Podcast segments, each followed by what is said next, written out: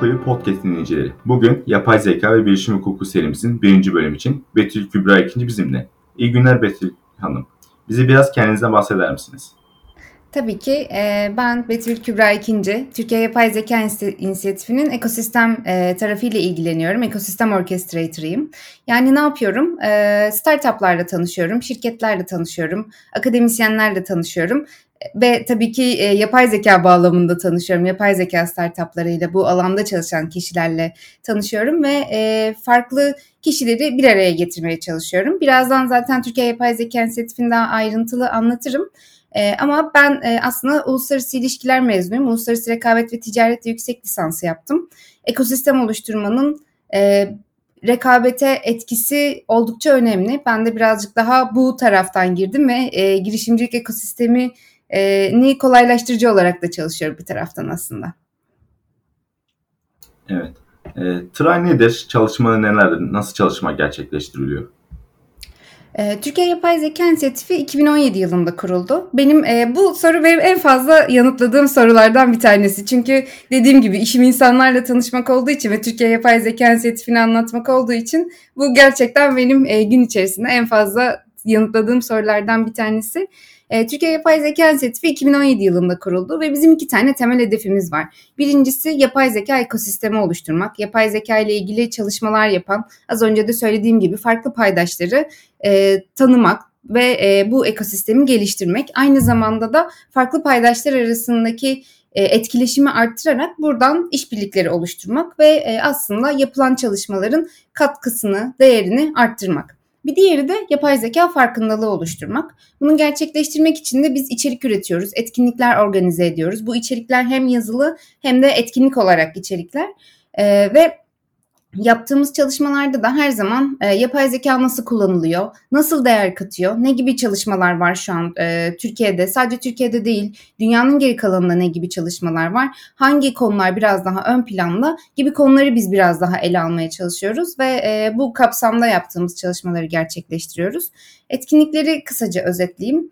E, bizim iki tane temel etkinliğimiz var. Birincisi her ayın üçüncü çarşamba akşamı organize ettiğimiz Meetup etkinlikler. Şu an Onları e, YouTube üzerinden yayınlıyoruz. Bir de LinkedIn üzerinden yayınlamaya başladık. E, her ayın 3. çarşamba akşamı LinkedIn'den ya da YouTube'dan bizi takip edebilirsiniz. E, farklı konuları ele alıyoruz. Bu konularda çalışmalar yapan kişileri davet ediyoruz ve buradaki kullanım alanlarını tartışıyoruz, e, konuşuyoruz, öğreniyoruz aslında. Bir diğeri de Türkiye Yapay Zeka Haftası. Türkiye Yapay Zeka Haftası'nda 2018 ee, ve 19'da zirve olarak yaptığımız bir günlük bir etkinlik olarak yaptığımız etkinliği geç, geçen sene 2020 yılı itibariyle haftaya e, çevirdik. Bunda tabii ki e, şu an içinde bulunduğumuz pandemi sürecinin büyük bir etkisi oldu. Çünkü e, Mart ayında zirveyi yapmaya bir gün kala iptal etmek durumunda kaldık. Öyle olunca e, bunu nasıl tekrar gerçekleştirebiliriz diye düşünürken haftaya çevirdik ve gördük ki aslında e, farklı günlere bölmenin e, daha farklı kişilere de ulaşmak konusunda bir e, avantajı oldu. Bu şekilde hafta organize ediyoruz. Bunlar haricinde çalışma gruplarımız var, yatırım programımız var gibi farklı konuları da zaman içerisinde ele almaya başladık. Ama genel olarak hedefimiz ekosistemi geliştirmek, bunu daha da büyütmek ve farklı paydaşlar arasındaki etkileşimi de arttırmak. Teşekkür ederiz. genel anlamıyla e, yapay zeka nedir? Nasıl bir teknoloji? E, yapay zeka şu an e, çok popüler bir teknoloji. Yani herkes e, yapay zeka ile ilgili bir şeyler yapmak istiyor. E, yapay zeka geleceğin meslekleri ya da e, geleceğin teknolojileri gibi konularda çok fazla karşımıza çıkıyor. O yüzden çok popüler ve e, oldukça herkesin de merak ettiği bir konu.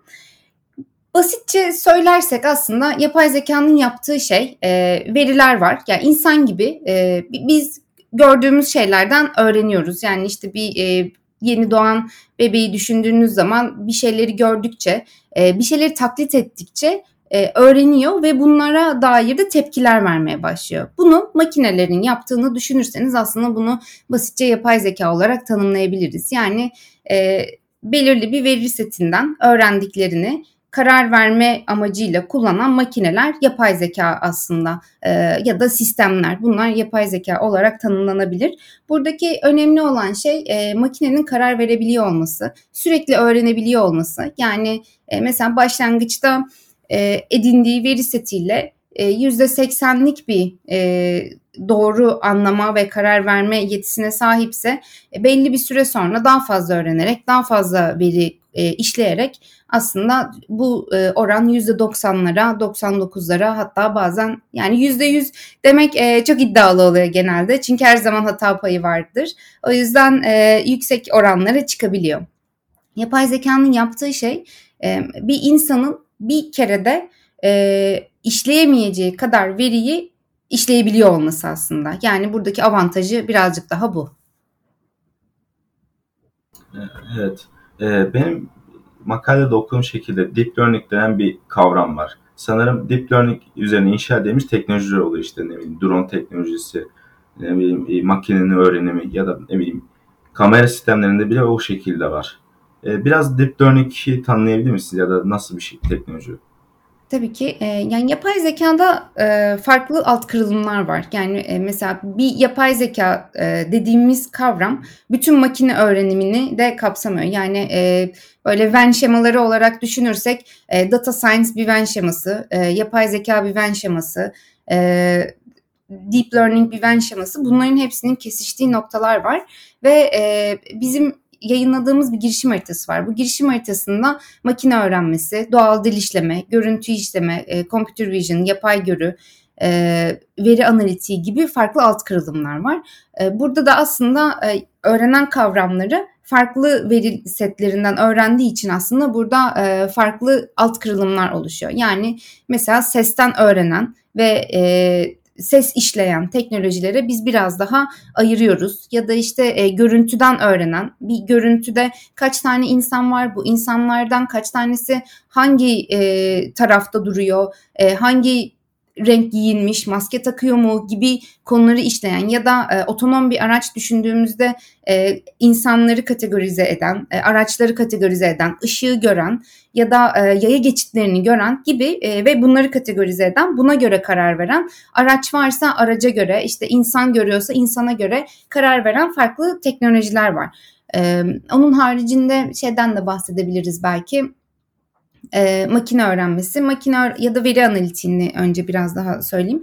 E, yani eldeki verileri e, daha doğru ileriye dair işte e, forecast dediğimiz öngörü ya da e, farklı konularda var olan e, bilgileri analiz edip bu verilere göre e, karar veren veri analitiği tarafında çalışan e, teknolojiler var gibi e, böyle farklı alt kırılımları var. Bu alt kırılımlarının da aslında e, işte bazıları biraz daha ön plana çıkıyor. Görüntü işleme, computer vision, yapay görü teknolojileri biraz daha e, son zamanlarda en azından Türkiye'de ön plana çıkıyor. Daha fazla e, çalışma var çünkü bu alanda yapılabilecek çok fazla iş var. Yani normalde kalite kontrol departmanlarının üretimde yaptığı işleri e, yapay zeka karar destek sistemleriyle yaptığınız zaman aslında e, bir insanın yorulup belki gözden kaçırabileceği hataları çok daha kolay öngörebiliyor. Ya da e, çok farklı e, bağlamları göz önünde bulundurabildiği için aynı zamanda Aa, burada bir hata var. Bu hata bundan dolayı kaynaklanıyor ve e, kaynaklanan hatayı biz burada durdurursak o zaman önleyebiliriz ya da öngörebiliriz ki e, buradan çıkacak çalışmaları e, işte e, belki defolu bölümüne ayıracağız ya da başka şeyler yapacağız gibi konuları biraz daha öngörebilmemizi sağlıyor. Evet, e, son dönemde bu bu kadar hızlı gelişmesi sebebi nedir? Sebebi nelerdir bu yapay zekanın? Belki biraz şeyden de bahsetmek e, iyi olabilir e, son dönemi anlamak için. Yapay zekayı biz böyle e, özellikle son birkaç yıldır çok e, konuşuyoruz. Çok fazla gündeme geliyor işte bu alanda e, yarışmalar yapılıyor ya da etkinlikler yapılıyor. Ama yapay zeka e, İkinci Dünya Savaşı'na dayanıyor yani tarihi. İlk e, yapay zeka İkinci Dünya Savaşı, genelde zaten e, teknolojilerin büyük bir kısmı savaş döneminde e, ilk böyle adımları atılmış oluyor. Çünkü çok e, sıkıntılı bir dönemde bir şeyleri yapmak için teknolojiye ihtiyaç duyuluyor ve e, burada da bir teknoloji gelişmesi oluyor. İyi bir sebep değil belki ama bir şekilde de e, farklı iyiliklere de sebep oluyor diye düşünüyorum ben. Ve e, Yapay zeka 43 yılında e, İkinci Dünya Savaşı'nda kullanılıyor ve e, 1956 yılında da bir e, bilimsel etkinlikte ilk e, ortaya çıkıyor. O yüzden 43 ile 56 yılları arasını yapay zekanın doğuşu olarak nitelendirebiliriz. Ardından e, işte 56 ile 74 yılları arası biraz daha altın çağ yapay zeka ile ilgili hem e, kültür tarafında da yani filmler tarafında da çok fazla ürün çıkıyor. Çünkü o dönemde insanlarda evet artık e, çok insan hayatını kolaylaştıracak bir teknoloji bulduk. Bu teknolojinin üstüne gidelim ve sonrasında da e, insanlar daha refah içerisinde yaşasın gibi bir umut var. Zaten bu dönem e, bir taraftan da dünyada da böyle bir e, umudun olduğu bir dönem olduğu için teknolojiler de aslında buna hizmet edecek gibi düşünülüyor. Fakat e, istenilen kadar ilerleme gerçekleşmiyor. Bunda veri eksikliği olabilir. Bunda e, aslında teknolojinin bu kadar buna hazır olmaması olabilir. Yani sonuçta yapay zekayı böyle oluşturuyoruz ve bir yere koyuyoruz gibi değil. Yani yapay zeka farklı e, sistemlerden beslenip onlardan öğrendiği şekilde e, bir anlam ifade ettiği için teknolojinin yeterli olmaması, destekleyen teknolojilerin ya da aynı zamanda dediğim gibi verinin eksik olması gibi e, konular sebebiyle böyle bir yapay zeka kışına giriliyor. İnsanlar bundan bu kadar verim elde edilememesini ya da e, bir şekilde sonuca ulaşılamamasını kış olarak nitelendiriliyor ve bu e, 1974-80 yılları arası yapay zeka kışı olarak e, de, isimlendiriliyor tabii sonradan. E, ardından AlphaGo'nun, e, Deep Blue'nun, DeepMind'ın ortaya çıkmasıyla birlikte biraz daha böyle yapay zeka konusu aa demek ki akıllanabiliyor. Biz bir şeyler öğrettikçe sonuçlar çıkabiliyor gibi e, biraz daha böyle oradaki hype yükselmeye başlıyor. Ardından zaten e, grafik işlemcileri çağı ile e, biraz daha böyle yaygınlaşmaya, e, daha fazla kişinin bu konuya ilerlemesine e, değerlendirmeye başlamasına ve aslında kullanmaya başlamasıyla devam ediyor. Burada da aslında en önemli şey yani şu an çok daha fazla olmasının sebebi veri. Yani biz şu an çok fazla veri üretiyoruz ve e, çok fazla veri işleyebiliyoruz. Tabii ki bu arada e, her veri işlenebilir ya da e, her veri kullanılabilir veri değildir. E, verinin de etiketlenmiş olması, olması, birbiriyle tutarlı olması gibi konular da önemli. E, onu da eklemiş olayım. Teşekkür ederiz. Ee, bu hızlı gelişmenin günlük hayatımız etkisi ya da tesiri nelerdir? Yani biz e, şu anda fark etsek de fark etmesek de e, bir şekilde yapay zeka bizim e, hayatımızda. İşte e, yani en basit örnekler genelde şuradan verilir. Netflix'e giriyorsunuz ve e, Netflix'e girdiğinizde sizin karşınıza çıkan e, filmlerin, dizilerin görselleriyle başka bir arkadaşınıza çıkan filmlerin görselleri birbirinden farklı oluyor. Çünkü sizin daha tıklamaya mail edeceğiniz görselleri göstermeye çalışıyor. Ya da işte e, telefonunuzda bir e, işte Apple'da Apple kullanıyorsanız Siri ya da işte e, Android kullanıyorsanız farklı ses tanıma sistemleri var. Bankayı aradığınız zaman artık size direkt olarak isminizle Betül Hanım hoş geldiniz gibi e, sesleniyor. Çünkü sizin sesinizi tanıyor. Bunlar hem güvenlik tarafında kullanılıyor hem e, perakende tarafında kullanılıyor. Mesela e, bir alışveriş sitesine girdiğiniz zaman orada siz e, alışverişi yapacak mısınız yoksa sadece bakmaya mı geldiniz gibi e, oradaki gezinme hareketlerinizden sizi anlayabiliyorlar ve e, anladıktan sonra da ona göre size e, bildirimler yapıyorlar. Daha kişiselleştirilmiş, daha size özel e, şekilde davranıyorlar. Ya da onun dışında daha artık böyle evde kullandığımız bulaşık makineleri, e, buzdolapları daha akıllı hale gelmeye başladı. Üretim tarafında az önce biraz daha örnek vermeye çalıştım. Ee, üretim bantlarında kalite kontrol daha kolay yapılmaya başlanıyor. Buradaki ya da işte e, çok ağır taşınacak e, yükler özellikle yine üretim alanlarında insanlar tarafından değil yine makineler tarafından taşınıyor ve nereye gideceğini de kendisi kontrol ediyor.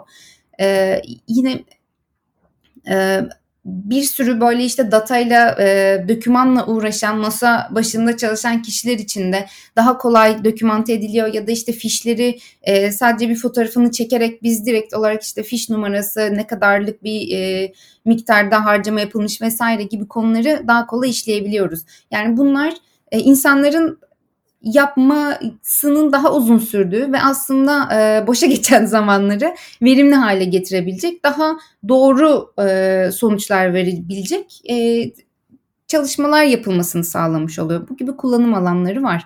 Hatta yani şu anda e, kullanım alanları deyince sadece bugün kullanım alanları var. Bir de e, bunun dışında biraz daha gelecekte de gelişecek olan kullanım alanları var. Ben bu konuda konuşmayı çok seviyorum. Mesela işte e, geçen haftalarda özellikle böyle çıkan metaverse konusu e, perakende tarafında çok e, çalışma yapılabilecek çok böyle gelişim alanı olan konulardan bir tanesi. Artık mesela zaten e, pandemi döneminde böyle çok online'a da geçmeye başladık. İnsanlar bir yerden bir yere gitmek için fiziksel olarak gitmek değil de kendi e, yansımalarının gittiği hatta bu yansımalarıyla işte e, mağazalarda buluştuğu oralarda birlikte vakit geçirdikleri orada kıyafetleri denedikleri çünkü zaten e, isterlerse birebir de kendilerini yapabilirler. Ve e, yani bu şekilde de alışveriş yapabildikleri ortamlar olacak. Ve bunlar gerçekten ilginç. Ya da şu anda bazen e, bazı mağazalarda aynaya bakarak kıyafeti üstünüze denemeden de size nasıl duruyor bunu deneyebiliyorsunuz gibi böyle ilginç e, ve ilgi çekici teknolojiler var. Bunlar şu anda böyle anlattığımız zaman bize çok dokunmuyormuş gibi geliyor.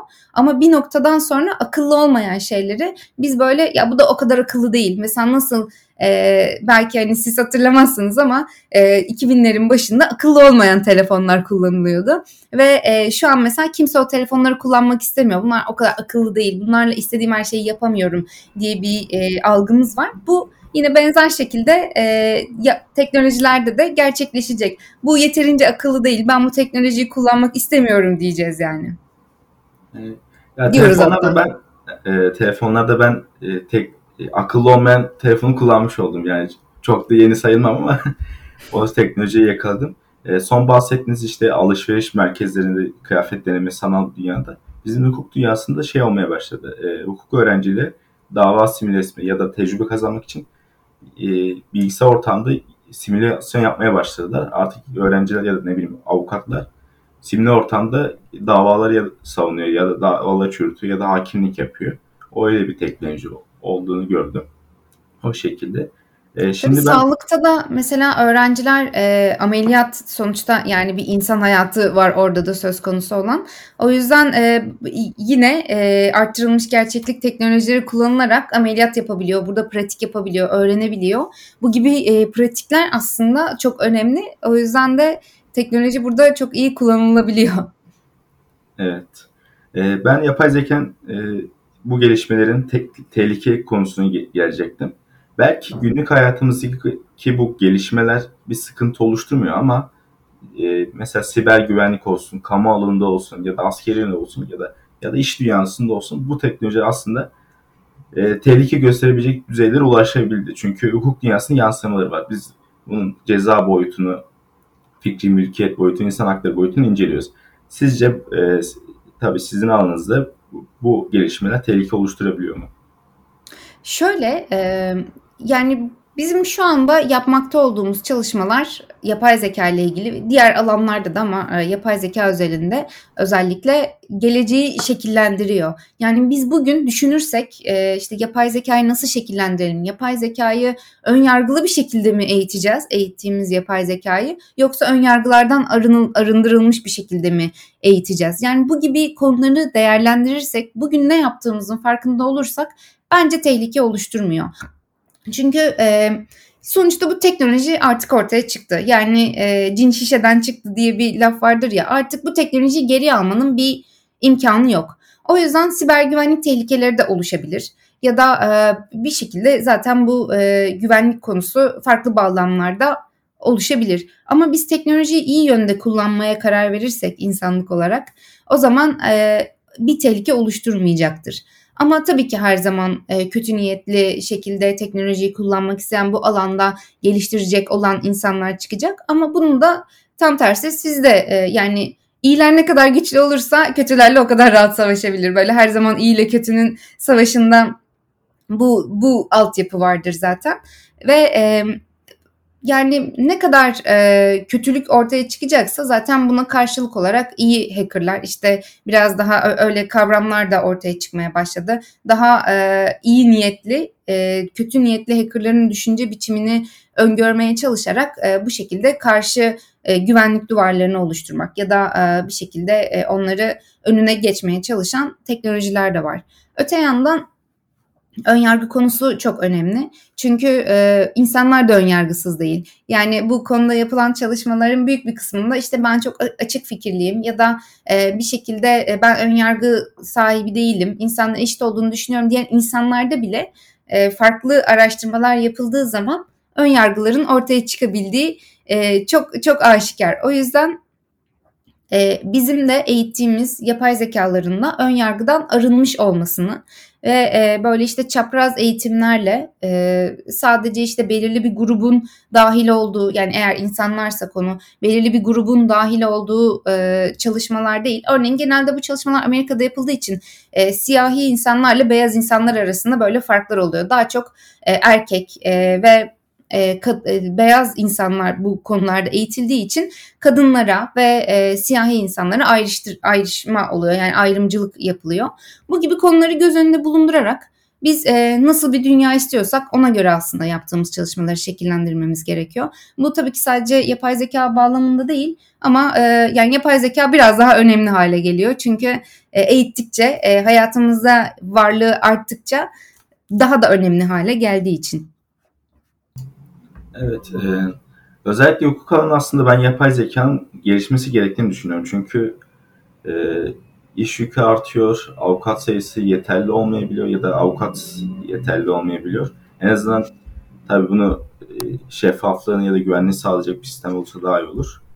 E, en azından işleri hızlandırmak için ben böyle bir teknolojinin olmasını isterdim ya da öncüsü olmak isterdim açıkçası yani. Çünkü bu alanda çalışan e, hukuk startupları da e, ortaya çıkmaya başladı. Ben e, kusura bakmayın lafınızı böldüm ama e, yani yapay zeka ile ilgili işte e, hukukçuların en büyük dertlerine çok fazla yine data var. Sizin e, anlamanız gereken, onları değerlendirmeniz gereken. Bunları en azından belirli bir noktaya kadar eleyip sizin bu e, vakanızla alakalı olabilecek e, case'ler bunlar olabilir diye e, tarama yapan ya da bir şekilde e, anahtar kelimeleri ortaya çıkartan yapay zekaların kullanıldığı çalışmalar ortaya çıkmaya başladı. Evet, e, inşallah daha da hızlı artar, daha güzel bir gelişen görürüz. E, ülkemizde yapay zeka teknolojisinin son durumu nedir? Ya da nasıl gelişmeler gerçekleşiyor ülkemizde? Bu çok genel bir soru tabii ki ee, ama şöyle cevap verebilirim. 2017 e, yılında ilk girişim haritasını yayınladığımızda 20'den e, az startup vardı. Şu anda en son Ekim ayında yayınladığımızda 200'den fazla yapay zeka startup'ı var. Yani burada e, şunu çıkartabiliriz. Yapay zeka ile ilgili yapay zeka kullanarak bir problemi çözüm üreten girişimlerin sayısı artıyor. Onun dışında e, Ağustos ayında Türkiye'nin ulusal yapay zeka stratejisi yayınlandı ve e, bu stratejide yapay zekaya dair e, araştırma fonlarının bu alandaki desteklerin artacağı, bu alandaki ekosistemin daha e, kapsamlı bir şekilde destekleneceği ve e, data okulları gibi e, yapay zekanın ön plana çıktığı eğitimlerin de artacağı gibi konular burada yer alıyor ve e, yapay zeka sadece benim ve çevremdeki insanların değil aslında kamunun da çok gündeminde. E, dünyada da birçok ülkede bu e, yapay zeka stratejileri ortaya çıkmaya başladı ve e, bunun bir parçası olmak bence önemli. Yani Türkiye bu konuda ki e, gündemi de takip ediyor diyebiliriz. E, genel olarak dünyada yapılan çalışmalara baktığımız zaman da teknoloji e, ihracatı da yapıyoruz bir taraftan. Yani Türkiye'de kurulup e, yurt dışına yapay zeka ile yaptıkları teknolojileri ihraç eden şirketler de var. Teknoloji şirketleri de var. Ya da global şirketlerde Türkiye'de yapılan çalışmalar globalde de yaygınlaşabiliyor. Yani bu gibi çalışmalarda çok geride değiliz. Ama e, tabii ki bu alana ayrılan kaynaklar konusunda biraz daha böyle örnek alabileceğimiz ülkeler belki işte Amerika olabilir, Kanada olabilir. Bu gibi ülkelerden biraz daha gerideyiz. Yani bu alanı ayırmamız gereken kaynağın artması gerekiyor. Onun dışında e, üniversite sanayi ya da farklı e, paydaşların işbirlikleri konusunda bence önemli bir gelişme alanı var. Yani burada buranın biraz daha artması gerekiyor. Bu gibi çalışmalar da artıyor e, bir taraftan bu arada. Örneğin Koç Üniversitesi ve İş Bankası'nın yaptığı bir yapay zeka merkezi var birlikte kurdukları. Bu yapay zeka merkezi iyi örnekler arasında sayılabilecek e, güzel merkezlerden bir tanesi. Çünkü yapay zekanın yapılabilmesi için yani e, kapsamlı çalışmalar yapılabilmesi için altyapı desteği çok önemli. Evde oturup e, da yapılabilir ama aynı zamanda desteklenen bir şekilde yapıldığı zaman e, bu bu e, oldukça fark yaratan bir nokta olur. Onun dışında e, daha fazla açık veri kaynağı olması gerekiyor. Yani burada şöyle bir durum var. Mesela zaten şu anda ben Amerika'daki açık kaynak kodlarına ulaşabiliyorum ya da farklı ülkelerdeki açık kaynak kodlarına ulaşabiliyorum. Ama Türkiye ile ilgili bir proje yapacağım zaman benim Türkiye'deki verilere ihtiyacım var. Yani Türkiye'nin hukuk sistemiyle e, farklı ülkelerin hukuk sistemi aynı değil. Aynı e, şeyleri irdelemiyoruz, aynı verileri kullanmıyoruz. Birbirinden farklı tarafları oluyor. O yüzden biraz daha veri tarafının daha açık kaynak tarafına e, açılması gerekiyor. E, böyle bir gelişme alanı var. Bir diğer e, konu. Onun dışında ben e, büyük şirketlerin yapay zekayı anladığını düşünüyorum ve e, bu konuyu önceliklendirdiklerini de düşünüyorum. Ama bir taraftan büyük ekonomisinin büyük bir kısmı küçük ve orta ölçekli şirketlere dayalı da bir ekonomi olduğumuz için bu tarafta da yapay zekanın biraz daha e, anlaşılmaya ihtiyacı var. Orada biraz daha anlaşılmanın olmadığını düşünüyorum.